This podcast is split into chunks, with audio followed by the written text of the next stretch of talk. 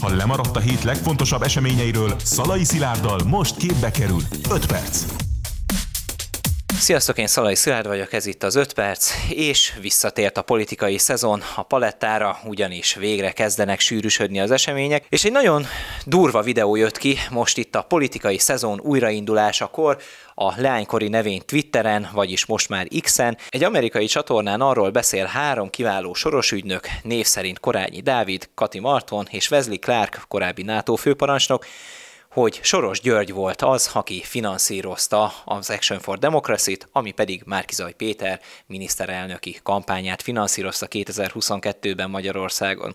Márkizaj Péter ugye korábban elmondta nekünk is, hogy személyesen egyeztetett Wesley Clarkkal, és nem akármiről, nem történelmi kérdésekről, nem a délszláv háborúról, ahol például Wesley Clark a demokrácia nevében rommá bombáztatta Belgrád városát, hanem a választásokról és a választás utáni Magyarországról. Most ez a Wesley Clark volt az egyik, aki elismerte, hogy soros dollárokat juttatott a magyar kampányba gyakorlatilag. Korányi Dávid pedig azzal büszkélkedett, hogy különböző amerikai irányelvek alapján tarthatták eddig titokban, hogy pontosan kik is voltak ezek az adományozók, akik pénzt juttattak el a magyarországi kampányba, majd gúnyosan hozzátette, illetve szavaiból kiderült, hogy valójában Soros György volt az egyik, és szinte az egyetlen ilyen donor, aki pénzt juttatott. Wesley Clark egyébként arról sajnálkozott, hogy szerette volna, hogyha sokkal többen is adnak pénzt ezekből a mikroadományokból, ami Márkizaj Péter szerint sok ezer embertől gyűlt össze, természetesen csak magyar állampolgároktól. Na hát ebből a sok ezer emberből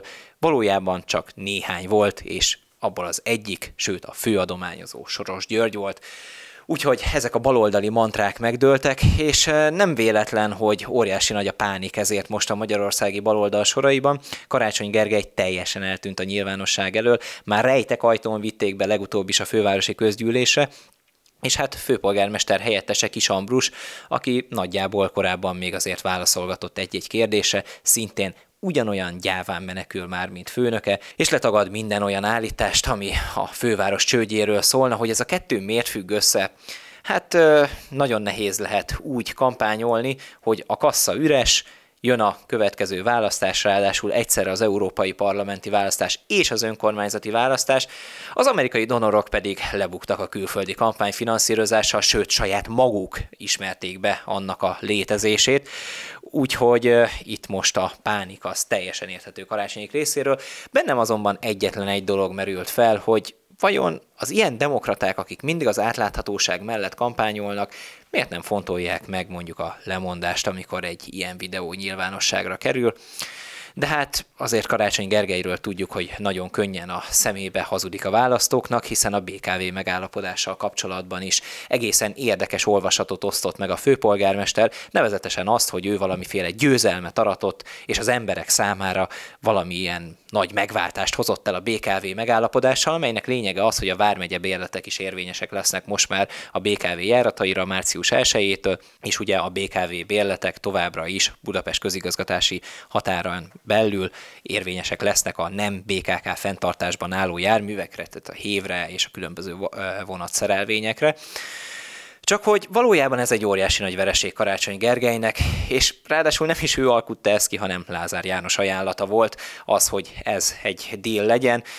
Így azonban a BKV rengeteg bérleteladástól is eleshet, és hát Viszont a másik oldalról természetesen az valóban igaz, hogy ez egy óriási egy könnyebbség, főleg az agglomerációban élőknek, hiszen jó magam is tudom, hogy mennyire bonyolult az, hogyha több bérletet kell megvenni egy hónapba, átszállogatni és folyamatosan váltogatni a különböző bérletek között, hogy lehessen közlekedni, be lehessen érni az agglomerációból a munkahelyre.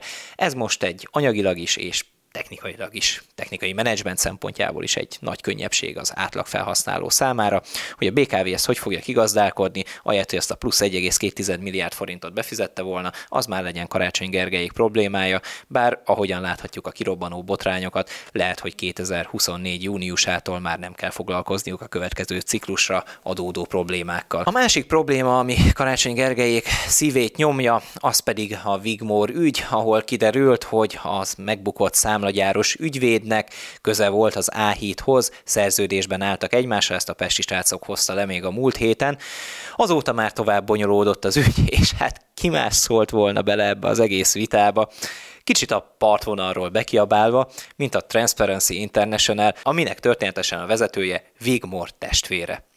Wigmore testvérének cége ugyanis kiadta a közleményét, miszerint Magyarország korrupció tekintetében már kanyarban, kézifékkel driftelve előzi Romániát, és már Ukrajnának is rettegnie kell, ahogy utoléri Magyarország korrupcióban. Most azt tegyük félre, hogy az ukránoknál eddig ugye nem is létezett a korrupció a hivatalos baloldali álláspont szerint, hiszen a létező világok legjobbika volt, ami a kiemelkedő demokráciáért harcol az orosz orkok tengerében, de úgy látszik, hogy mégiscsak súlyos korrupciós agályok vannak Ukrajnában is, de azért kezeljük egy kicsit fenntartásokkal ezeket a jelentéseket, ugyanis ez gyakorlatilag egy teljesen ismeretlen módszertan alapján az Amnesty Internationalnek az értékítéletén múlik, amelyet, mint már mondtam, a megbukott számlagyáros ügyvéd testvére vezet. Hát ők aztán biztos első kézből tudják, hogy hogy is néz ki a korrupció és a pénzekkel való játék, meg azért azt se felejtsük el, hogy a hasonló szakmai elemzések alapján szabadságjogok tekintetében már Burkina Faso-nak is csak a hátát nézhetjük,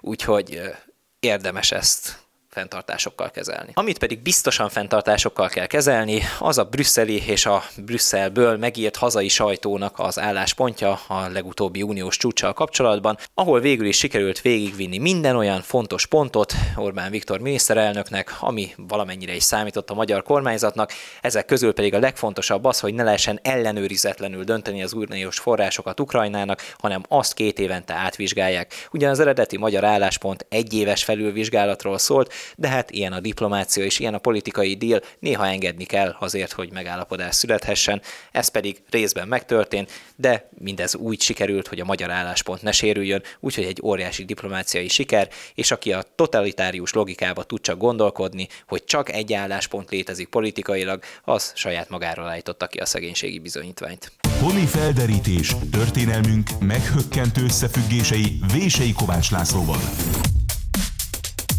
A népírtásokat nem csak a háborúk vesztesei szokták elkövetni. Felelősségre vonni viszont csak őket szokták érte. A győztest ugyanis legitimálja a győzelme, nála bármilyen kegyetlenség, bármilyen vérontás átmegy. Akkor. A legutóbbi háborunk viszont 79 évvel ezelőtt véget ért. Mégis az akkor délvidéken legyilkolt magyar tömegek körül máig nyomasztó hallgatás, titkolózás van. Ebben a témában vendégem Mező Gábor, egykori kollégám, szervusz, köszöntelek nálunk. Te most írtál könyvet, nemrég meg könyved erről a témáról, a Népírtás csöndje címmel, és a cím önmagában is uh, igazolja azt, amit mondtam, hogy egy 79 éves történet, amiben a, a legyilkoltak családtagjai nem gyászolhatták el a hozzátartozóikat, legtöbbükről nem is tudni, hogy hol nyugszik, hol vannak elhantolva, és uh, leginkább a trauma semennyire sincs kibeszélve. Tehát 79 év után még mindig csöndről kell beszélünk egy népírtás kapcsán, amiben az a, ez egyik szintén megdöbbentő dolog, hogy a, a kommunista Magyarország az elvileg nem annyira baráti kommunista Jugoszláviával gyakorlatilag versenyt hallgatott ebben az ügyben évtizedeken keresztül. Hogy lehetséges, hogy ez még 90 után is, a rendszerváltatás után is ez a csönd ez megmaradt az egész ügy körül, és a, és a trauma ilyen mélyen ellettásva, és erről sehol nem volt szó egészen az elmúlt évekig. És mi történt, hogy most az elmúlt mondjuk, hogy szűk tíz évben már így jobban kezd a dolog, de mindig csak kezd felszínre kerülni. Hát igen, ez a csönd, ez nagyon sokáig teljesen uralkodó volt ezen a területen. Az utóbbi időkben, tehát igazából kutatók, szemtanúk, újságírók foglalkoztak már ezzel a rendszerváltás óta, de, de a politika az nem nagyon. Tehát abba teljesen igazad, hogy az elmúlt években, mondjuk az elmúlt bő tíz évben kezdett a politika is egy kicsit ezzel foglalkozni. Addig viszont hát ez politika nagyon kellemetlen volt, ugye, mégiscsak a kommunizmusban. Egykori szövetségesünk, ugye a jugoszláv hatalomról volt szó, aki ugye egy időben persze a legnagyobb ellenség volt, amikor Titóról éppen kitalálták, hogy láncos kutya, láncos kutya és itt a Stalin-Tito kommunista harcban mi ugye Stalin mellé álltunk, hát nem magunktól, de igazából a csend az eredetileg ugye Jugoszláviában lett elrendelve, ott ez egy nagyon súlyos tabu téma volt. Ugye 44-45 telén történt ez a népírtás, ez is nagyon fontos, ezt kimondjuk, hogy népírtásról volt szó, mert amikor már lehetett róla írni, meg lehetett róla publikálni, akkor is általában itt mészárlás, vérengzés, sokféle meghatározás volt, de az kevéssé volt kimondva, hogy ez népírtás volt. és már pedig ki lehet mondani, hogy az volt, hiszen tudatos volt, hiszen a, a, a magyarok ellen irányult, nem csak a magyarok ellen, ugye a német kisebbség ellen is irányult, egyébként az albánok ellen is, tehát mondhatni, hogy a, a szerb többséget ugye igyekeztek mindol elérni. Tehát önmagában fontos, ezt ki tudjuk mondani, hogy népírtás volt, szerintem már ezzel is tudunk venni egy nagy levegőt. A csönd meg nyilván arra vonatkozik, hogy, hogy Jugoszlávián az életével játszott az, aki szóba hozta ezt a témát, 45 után. De még amikor megkérdeztem Matuska Márton újságírót, aki a rendszerváltás után először kezdte el publikálni az újvidéki magyar szóban ezt a történetet, akkor azért elmondta, hogy ezt korábban teszi meg, vagy korábban próbál meg. Egyrészt nem ment volna, másrészt, hogyha korábban rájönnek a jugoszlávok, hogy erre készül, akkor lehet, hogy, hogy nem beszélgetett volna velem egy pár évvel ezelőtt már. Tehát ez ilyen súlyosan ö, tabu téma volt. Hogy miért, arra viszonylag egyszerű a, a válasz politikai alapon. Ugye az az igazság, hogy a jugoszlávoknak semmiképpen nem volt érdekük, hogy ezt a történetet ugye elmeséljék, hiszen ez arról szól, hogy gyakorlatilag úgy viselkedtek, mint a nácik. Konkrétan koncentrációs táborokat és lágereket is csináltak, ugye ők a hős felszabadítók. Tehát azért ez logikus az ő szempontjukból, ezzel nem hát fogunk, győztesnek minden szabad. Nem fogunk büszkékedni ezzel a történettel. A rákosista, majd a kádári vezetés, bár ezeket is szeretem egyébként ketté választani, hiszen Kádár ugyanúgy ott volt a rákosista vezetésben is, tehát ez igazából ugyanaz, csak egyszerűen történt egy hatalomtechnikai váltás leginkább Stalin halála után. Az a vezetés meg ugye nem volt abban érdekelt szintén, hogy az egyik ilyen kommunista társutasát, cselédtársát rossz hírbe hozza. Abba viszont inkább érdekelt volt, hogy úgy tüntesse föl, mint hogy ez az akció egyfajta bosszú lett volna, és egy teljesen jogos revans tulajdonképpen a 42-es hidegnapokért. És gyakorlatilag úgy volt vele, hogy menjünk tovább, nincs ebben semmi látnivaló, magyar az ugye egy bűnös nép, hát gyakorlatilag csak megkapta azt, amit megérdemelt ott. Na ez a toposz, amit felhoztál, hogy a magyar egy bűnös nép, ez ide különösen érdekes.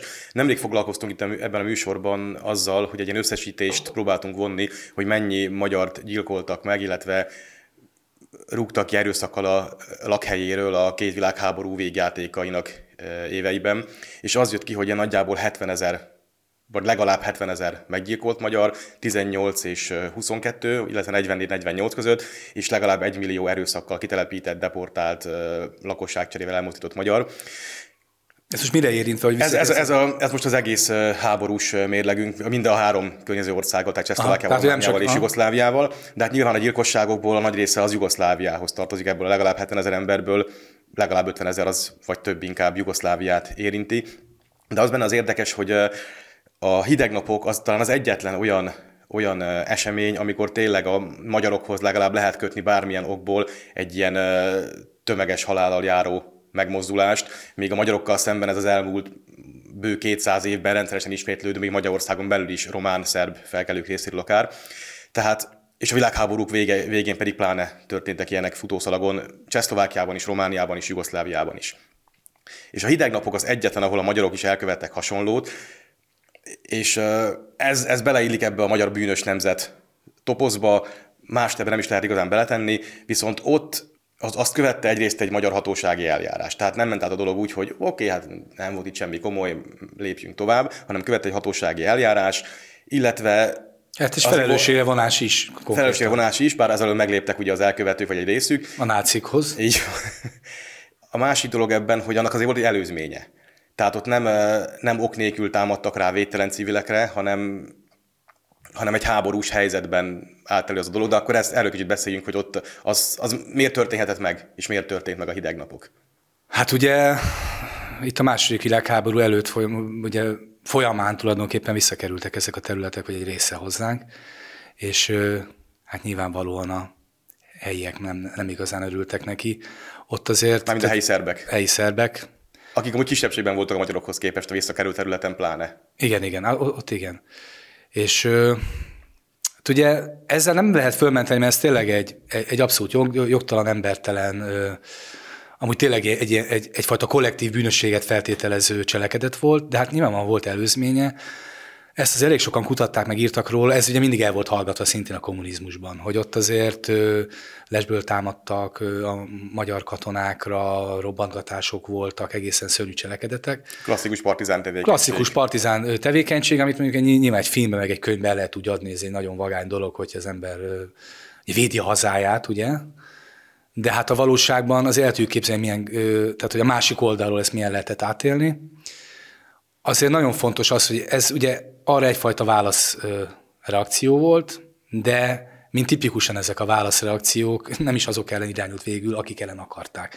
Mert nyilván akik ezeket az akciókat indították, a legnagyobb része amikor már régen elszelelt, nem volt ott, nem kapták el, viszont egy csomó ártatlan embert ugye kivégeztek.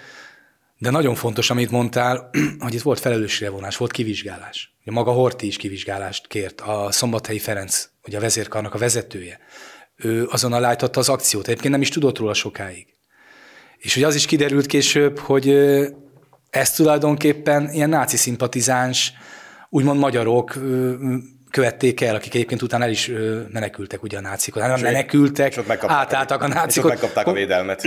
Hát és konkrétan az egyik az, ami SS tábornok lett, vagy nem tudom, milyen rangot kapott, de lehet, hogy a másik is. És nagyon fontos, hogy itt, hát itt, itt volt egy felelősségvonás, és az az érdekes, hogy a, ezt én nem tudom állítani, mert hallottam, de olvastam is történésztől, tehát vélemezem erősen, hogy így volt. A második világháború alatt nagyjából ez volt az egyetlen olyan cselekedet, amikor az egyik hadsereg a saját ö, hadserege ellen gyakorlatilag ilyen kivizsgálást végzett. Mert ez egyszerűen ilyen háborúban ilyen sajnos nem szokás. Nem szokás. És ugye mi lett ennek a következménye? Csak hogy lépünk tőle utána, ugye Szombathelyi Ferencet először ugye a nácik kapták el, és ö, koncentrációs táborba deportálták, ami túlélt, ö, kiadták utána ugye a itteni kommunistáknak, akik mit csináltak vele, teljesen jogszerűtlenül kiadták a jugoszlávoknak.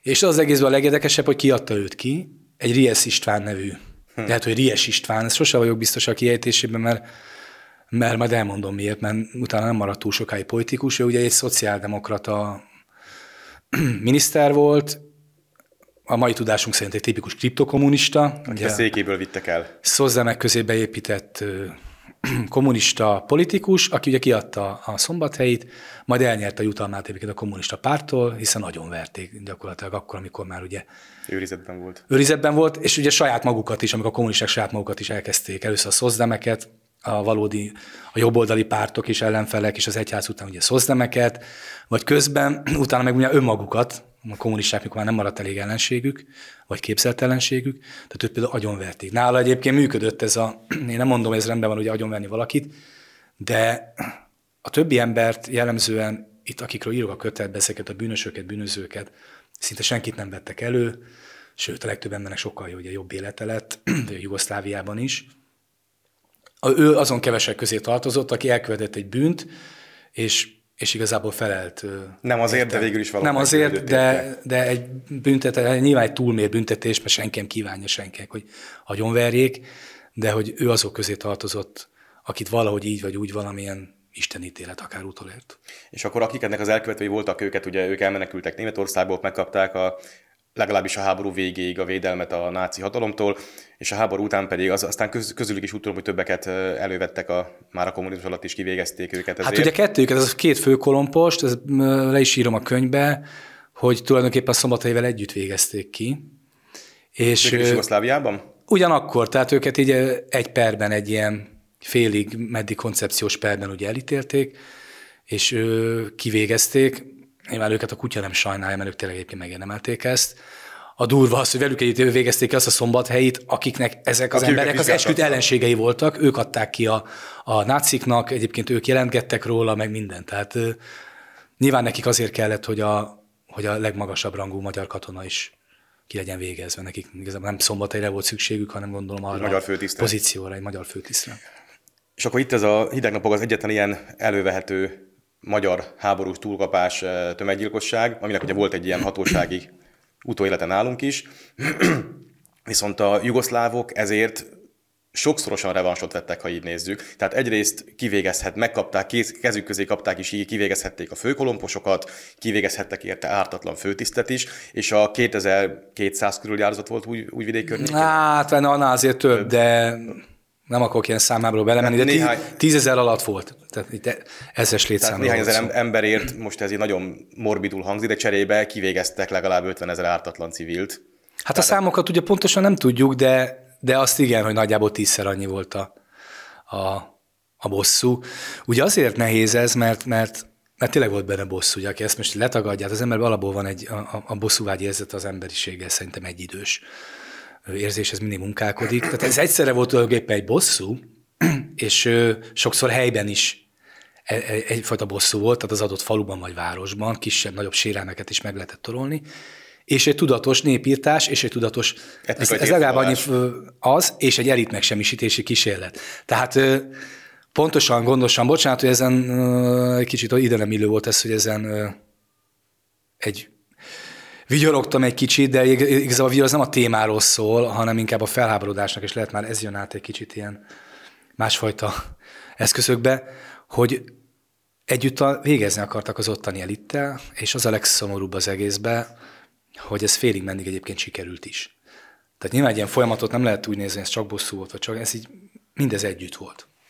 De ez igazából szintén nem kirívó a, a minket körülvevő kisantant blokk esetében, hogyha most beszélünk még erről a második világháború után is, tehát pont ilyen elit megsemmisítés történt mind a három érintett országban, csak nem mindenhol ilyen léptékű tömeggyilkossággal, máshol inkább a kitelepítés, meg, a módszer meg más elűzés volt a jellemző, de ez mindenhol egyrészt törekvés volt, hogy az elitet azt el kell tüntetni, mert az a magyarság megtartó ereje az elit, tehát a, a szellemi és pénzügyi elitet azt meg kell semmisíteni, és ezt ugye még Jugoszláviában egy, egy hát a lehető legdrasztikusabb etnikai térfoglalás is követ, vagy azzal párhuzamosan ment, hogy aki ott él, azt megölöm, és beköltözünk a helyére. Tehát ennyire drasztikusan, még a kitelepítése ennyire drasztikus, amit a, a románok meg a csehszlovákok csináltak.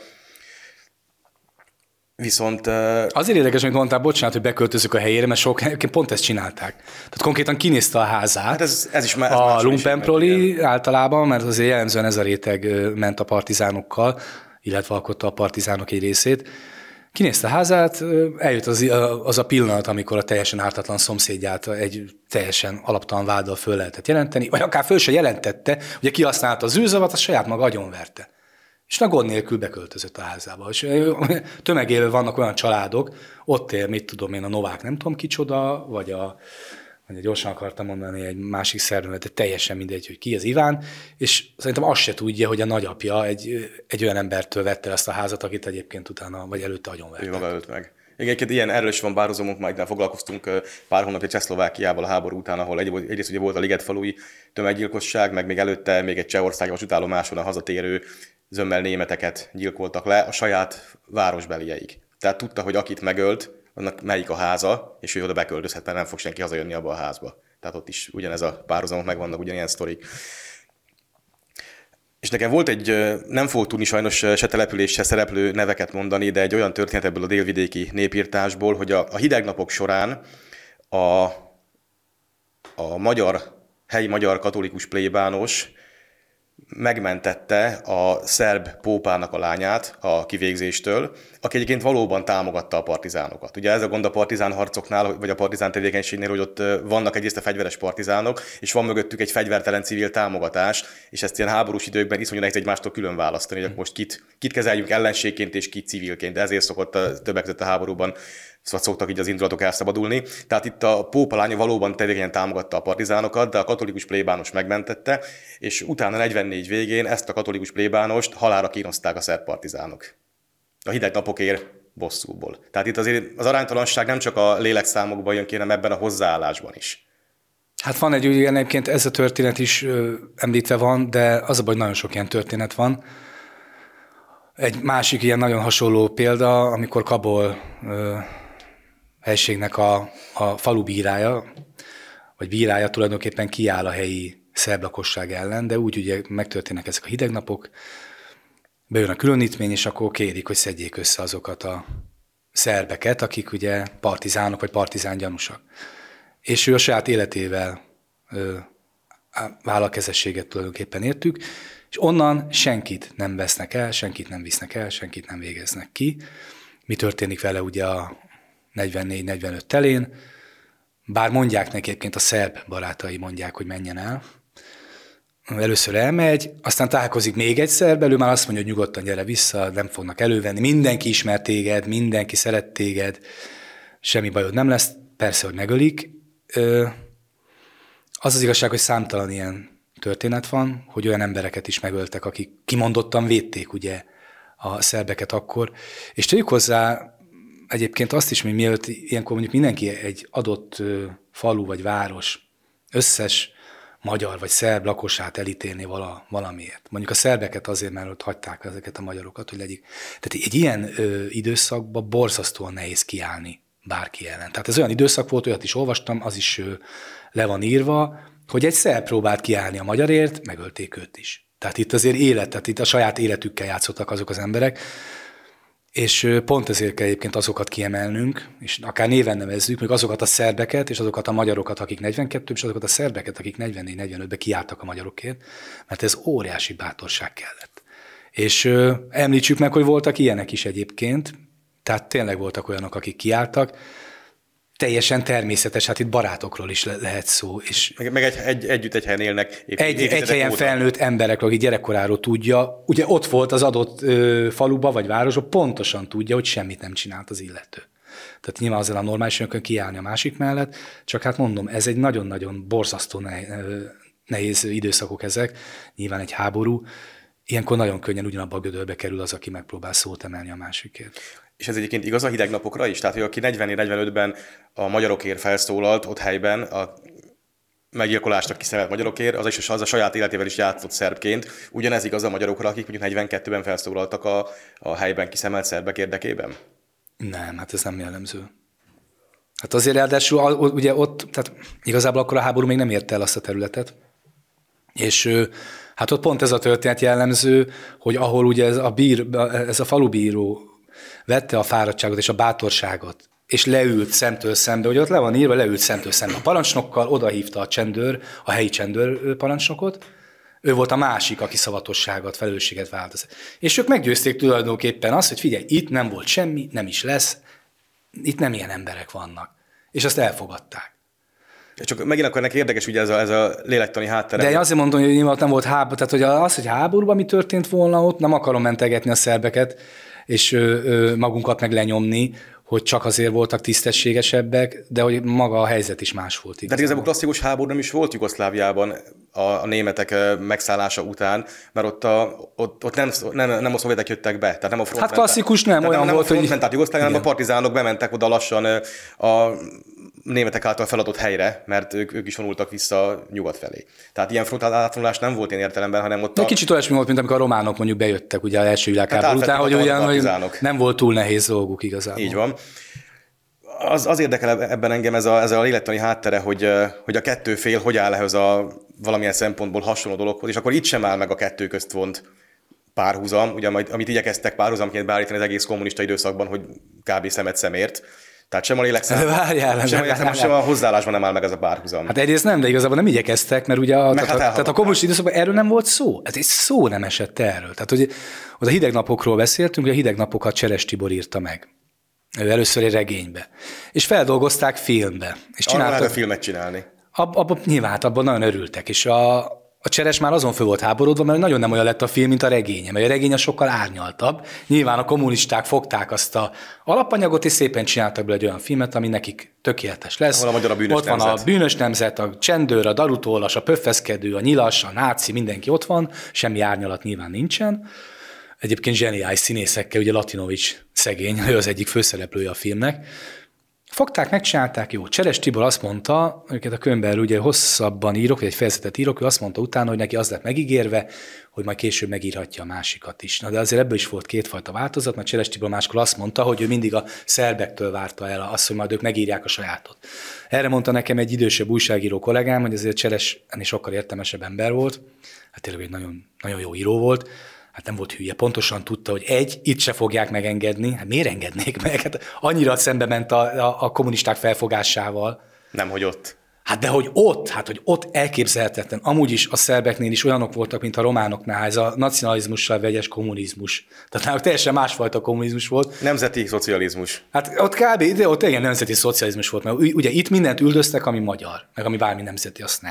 Ott meg ugye pontosan azt erőltették, hiszen teljesen más is volt a cél. Ott is üldözték azt, hogy magyar. Hát azt igen, ebben egyébként hasonlóak voltak. Tehát azért Cseres Tibornál ez éreztem egy ilyet, hogy szerintem nem feltétlenül mondott ebbe teljesen igazat, ezt egyébként említem is a könyvbe, hogy ez így nem valószínűleg nem lehetett így. A lényeg az, hogy természetesen nem írhatta meg. És hát az meg, hogy film készüljön belőle, és így jutottunk igazából ahhoz, hogy a hideg napokat szerintem a, az én generációmnak biztos láttam egy negyede, a szüleink generációnak szerintem látta fele, és a nagyszüleink generáció szerintem látta a fele, tehát ez egy közismert film. Hát erről mindenki Azt tud. a történetet mindenki ismeri. De az, hogy utána mi történt, az és elmondok el egy egész ö, értető történetet, pont tőlem is megkérdezték, hogy mikor találkoztam ezzel az egésszel. Egy állambiztonsági jelentésbe olvastam, nem tudom, 8-9 évvel talán ezelőtt már, hogy egy vonaton mennek a 80-as évekbe, és valaki mondja, mesél a másiknak, hogy Bezdánban lesz egy ilyen megemlékezés, persze sutyiba, hogy félnek attól a jugoszlávoknál, hogy ott rajtuk üssenek, az ottani lemészárolt magyarokra. És akkor a vonat fülkébe a másik hallgatja, a derék ügynök persze meg lejelenti az egészet, ott ül a fülkébe, és ilyen önszorgalmi alapon, ugye, mert nem az volt a feladat, hogy irodalomra volt átállítva. Szolgálatba helyezte magát. De ha már, de ha már hogy ott volt a vonaton, és már érdekességeket mondanak, akkor azt lejelenti. És én ott találkoztam, én edül, és fogalmam nem volt. A hideg napokról persze, hogy tudtam, láttam a filmet. De erről fogalmam nem volt. És pontosan azért tudom magamról, hogy egy érdeklődő típusú vagyok, meg ha nem is vagyok történész, a történelem felé nyitott. Úgyhogy azért szoktam ezt elmondani, hogy azért ez sokat elárul arról, hogy mennyire volt tabu téma. És nagyon sok emberrel beszélgettem azóta, akinek szintén fogalmuk sem volt. Akik, leginkább akik tudnak róla, azért biztos ez neked ismerős, hogy, hogy a határon túli dolgokkal sokkal inkább tiszta vannak azokat, jó, ez logikus, akik ott vannak. Igen. Tehát itt a magyarok többsége, tényleg 90-es évek ott tartottunk, hogy mit a magyarokat a, lerománozták, meg, meg, meg, meg leszlovákozták, meg nem tudom, minden volt. Sőt, lecsehezték. Lecsehezték. Ugye, akik meg ott voltak, pontosabban tudták, hogy mi történt. Erről az egész délvidéki népírtásról a délvidékiek tudtak, illetve azok a családtagok, akik Szintén hallgatásra voltak itt. Akik hallgatásra voltak gyakorlatilag kényszerítve. Ez az 50 ezeres körüli szám, amiről beszélünk, hogy ennyi embert meggyilkoltak, ez azért egy jóval nagyobb tömeg az, az ottani elitnél. Tehát akkor ott élt egy ilyen nagyjából 300, nem hülyeséget mondok, félmillió fölötti magyarság, azért ez, ez annak egy legalább 10%-a volt. Tehát ez, ez az elitnél egy tágabb kategória. A szerbek mi alapján válogattak, hogy ők most kitöljenek meg, milyen, milyen névsorokból, milyen forrásokból dolgoztak, hogy kire menjenek rá, és mik voltak a szempontjaik. Hát alapból az... volt nekik ugye egy listájuk, amiket összeállítottak, akikről tudták, hogy nagyjából végezni akarnak vele. Ez mondjuk legyen a, az elit. Vagy mondjuk legyenek, nyilván közöttük voltak olyanok, akik tényleg részt vettek 42-be. És aztán ugye voltak azok, tehát én ezt így, erről is annyi forrás van, és hogy nehéz után rekonstruálni, de azért a többi kutató is egyetért, hogy ez úgy van, hogy volt a lista, és akkor na hát akkor még ugye írjuk hozzá ezt. Meg ugye ment a nem tudom ki, és megirigyelte, de hát akkor már akkor őt is, olyan szép, szép háza van. van. Milyen szép háza van. Van erre több ilyen cinikus mondás, például ennek a kaboli bíróval kapcsolatban mondják, amikor kérdez az egyik szerb a, a másik, a szerb partizánt, azt hiszem partizán nőt, hogy de hát akkor a, a, a horvátot is, a horvát Mihályt is. És akkor azt mondja, hogy de hát miért maradjon éppen ő egyedül életben? És hogyha ugye ezt nem mondja, hogy éppen ő egyedül, igazából megölték azt, akit tudták. Tehát azért nagyon sokan elhagyták, ugye, tehát elmenekültek Magyarországra, vagy elbújtak. Ugye csak férfiakat, vagy fiatal embereket gyilkoltak, az öregeket általában nem, tehát ezeket le is vehetjük. Nőket nem gyilkoltak? Nőket nem, hát véletlenszerűen. Én... Tudatosan, fér, hát tudatosan a férfiakra mentek rá, tulajdonképpen előidézve azzal egyébként az, hogy később nagyon sok vegyes házasság lett, már csak emiatt is, hiszen a férfiak eltűntek. Tehát teljesen tudatos volt, nőket alig-alig tényleg. Ö, megtörtént, tehát voltak ilyenek. Elmondok erről egy nagyon borzasztó történetet, és ez a hallgatásról is nagyon sokat elmond. Matuska Márton, ugye ő az újságíró, aki ezt végig publikálta, kutatta, az egész életét erre tette föl, és járta a világot mindenfele, és Ausztráliában volt egyszer, és ott is tartott elő egy előadást, és azt vette észre, hogy valaki így végig pofázat tulajdonképpen az egészet. Ott kártyázgatnak, és így beszélgetnek, miközben ott beszél ott fönt a színpadon. Jó, nem akart őket megsérteni, hiszen vendég volt, de azért utána megkérdezte, oda ment hozzá, és megkérdezte, hogy nagyon barátságos, de egy nagyon tekintélyes és hát határozott mert megkérdezte tőlük, egyáltalán nem agresszív, vagy ne haragudjon, uram, hát egy nagyon fontos témáról beszélek, maga meg itt végigbeszélte ezt az egészet. Nem érdekli, vagy, vagy, vagy hát akkor miért így fejezi ki? És akkor mondja, hogy kérem, uram, én ott voltam, magam is délvidéki vagyok, apám, anyám oda lett.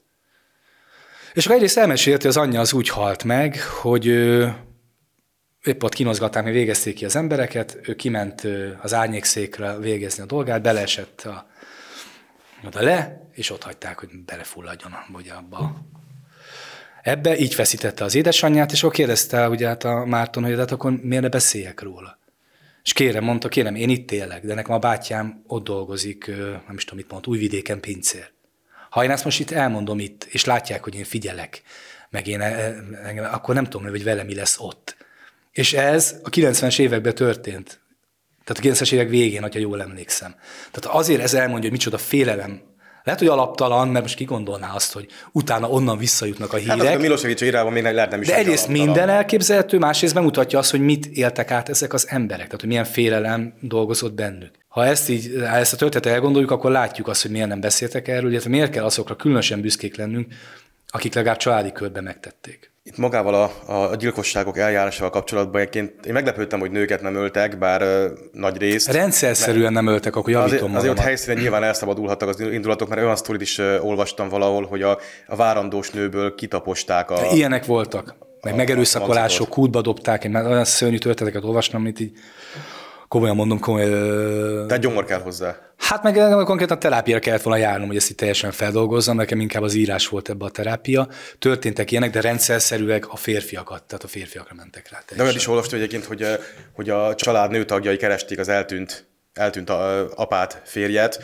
és megtalálták egy trágyadombra félredobva a haldokló ember, de hogy így Hát ugye de nagyon hogy, sokszor... arra, arra nehezen ismerte, hogy az egy ember, annyira el volt, tehát megcsonkítva, agyon kínozva, tehát aztán meg is halt hamarosan, ott szenvedett szegény, de hogy olyan szinten nem csak öltek, hanem, hanem élvezetből kínoztak embereket halára, hogy az valami egészen sátáni. Ezt is egyébként, tehát itt is a két részlet van, hogy voltak ezek a hm, hivatalos gyilkosságok, vagy kivégzések, vagy bosszú, vagy nem tudom, hogy hívjuk, amikor oda mentek, és akkor a, tényleg a partizánok fogták őket, és nem tudom, egymás után 200 ember belelőttek egy sírgödörbe. És emellett volt egy másik folyamat, ezek az állatias. Nem is állat, ez állatias, nem, állati jelen nem ez képes. Rosszabb. Ez így, ez, ez így ördögi, ezek az ördögi gyilkosságok, kínzások, nem erőszak, tényleg minden, amit el tudunk képzelni. Vagy nem. Ott, ott, ott tényleg olyan, néha olyan, mint hogyha a Bosknak a legsötétebb képein találná magát az ember, vagy, vagy, vagy egy olyan fajta pokolba, amit még Dante se tudott leírni, tehát ezek igazából párhuzamosan mentek, voltak a hivatalos gyilkosságok, és mellette ezek az állatias kegyetlenkedések. Ugye ezeket úgy tudták megőrizni az utókornak, Kabolból több helyről vannak olyanok, hogy ugye valaki, egy adott kutató vagy szemtanú összegyűjtötte. És akkor a Kabolból is megvan az, hogy felsorolja, hogy kit hogyan öltek meg. És felsorol 20 embert, és mindig válogatott kínzásokkal, de olyan, de mindegyik más egy kicsit. Tehát tényleg olyan, mint hogyha a legrettenetesebb horrorfilmetnek a forgatókönyvét néznénk, ott már direktbe, tehát ott kegyetlenkedni akartak, fájdalmat akartak okozni. És azért volt fontos az egyébként, ez a legtöbb helyen kiderült, hogy kik követték el a partizánokon túl, vagy a partizánokhoz szóval ez, ez lehet tudni? csatlakozva. Egyrészt egy csomó név van, az általában keresztnevek, de van, ahol vezetéknév is van. De, de az a legérdekesebb, hogy általában ez a lumpenproli réteg. Tehát a kapornál is le van írva, de több máshol is, hogy hogy ő is leírja, azért érdekes, mert ugye ő pontosan tudta, hogy ki, hogy tudta, hogy a falunak a, a, a munkakerülő, iszákos, ö, bűnözői gyakorlatilag akkor előkerültek, és kihasználták azt a helyzetet, hogy most tombolhatnak. És tulajdonképpen nekik ez egy, ilyen, egy olyan időszak volt, amikor, mint hogy a sátán elé följött volna a földre, és kaptak, nem tudom, egy, egy néhány hónapot arra, hogy, hogy ezeket végrehajtassák. Amikor a háborús káoszba kinyílnak a csatornák, és előjönnek a patkányok. Hát konkrétan az, amikor ugye a fazék mélyéről följön a, a, a sűrűje. És azért az is érdekes, hogy hát számunkra érdekes, de tragikus, erről nem lehetett beszélni, és akkor mégis hogyan lehet ezt kiadni. Ez egy másik áldozatnak a gyermeke mondta el, hogy ugye ők úgy tudtak beszélni, hogy azt mondták egymásnak, hogy őtet is. És tulajdonképpen ez az volt, őtet is kivégezte, ők, ők őtet is megölték. Hogy mondta, hogy ezzel tudott úgy kommunikálni, hogy gyakran csak itt mondtak az öregek a másiknak, hogy és akkor mi lett a gyurkával, és őtet is, és akkor mi lett a nem és őtet is. És ezzel tudták, hogy akkor vele ez megtörtént. És ugye ezzel a, a, a bosszút is, az újabb bosszút ugye meg tudták kerülni, mert el tudjuk képzelni, mi lett volna, hogyha ott valaki tényleg kimondja, hogy mi történt, akkor gyakorlatilag újra indul ez a, ez a szörnyűség hogy egy-két ilyen szóval milyen üzeneteket lehetett Meg mondani. milyen súlya van neki.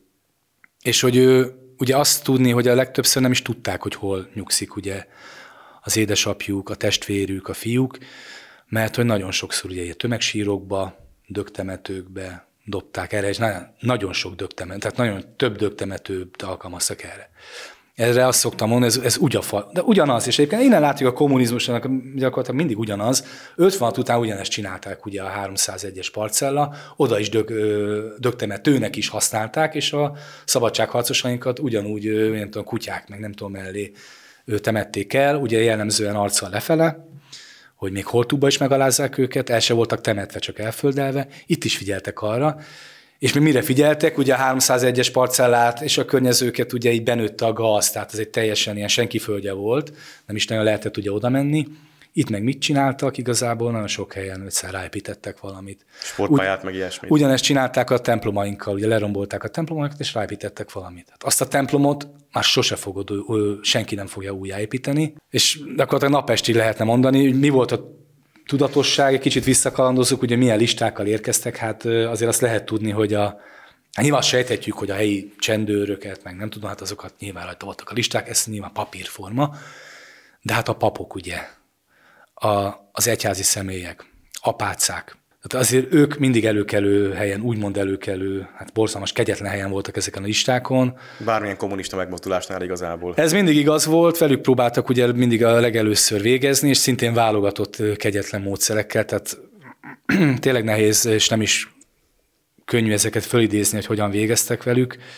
Mondjuk, Ugyanerről, hogy ezeket leírod így Leírom, leírom. Igen, ebből is volt ugye, érdekes az egész, mert az egyik áldozatnak a fia, ő például azt mondja, azt le is írom, és én is ezen elgondolkodtam, hogy nem szabadna az áldozatok emlékét megbolygatjuk azzal, hogyha leírjuk, hogy hogy történt.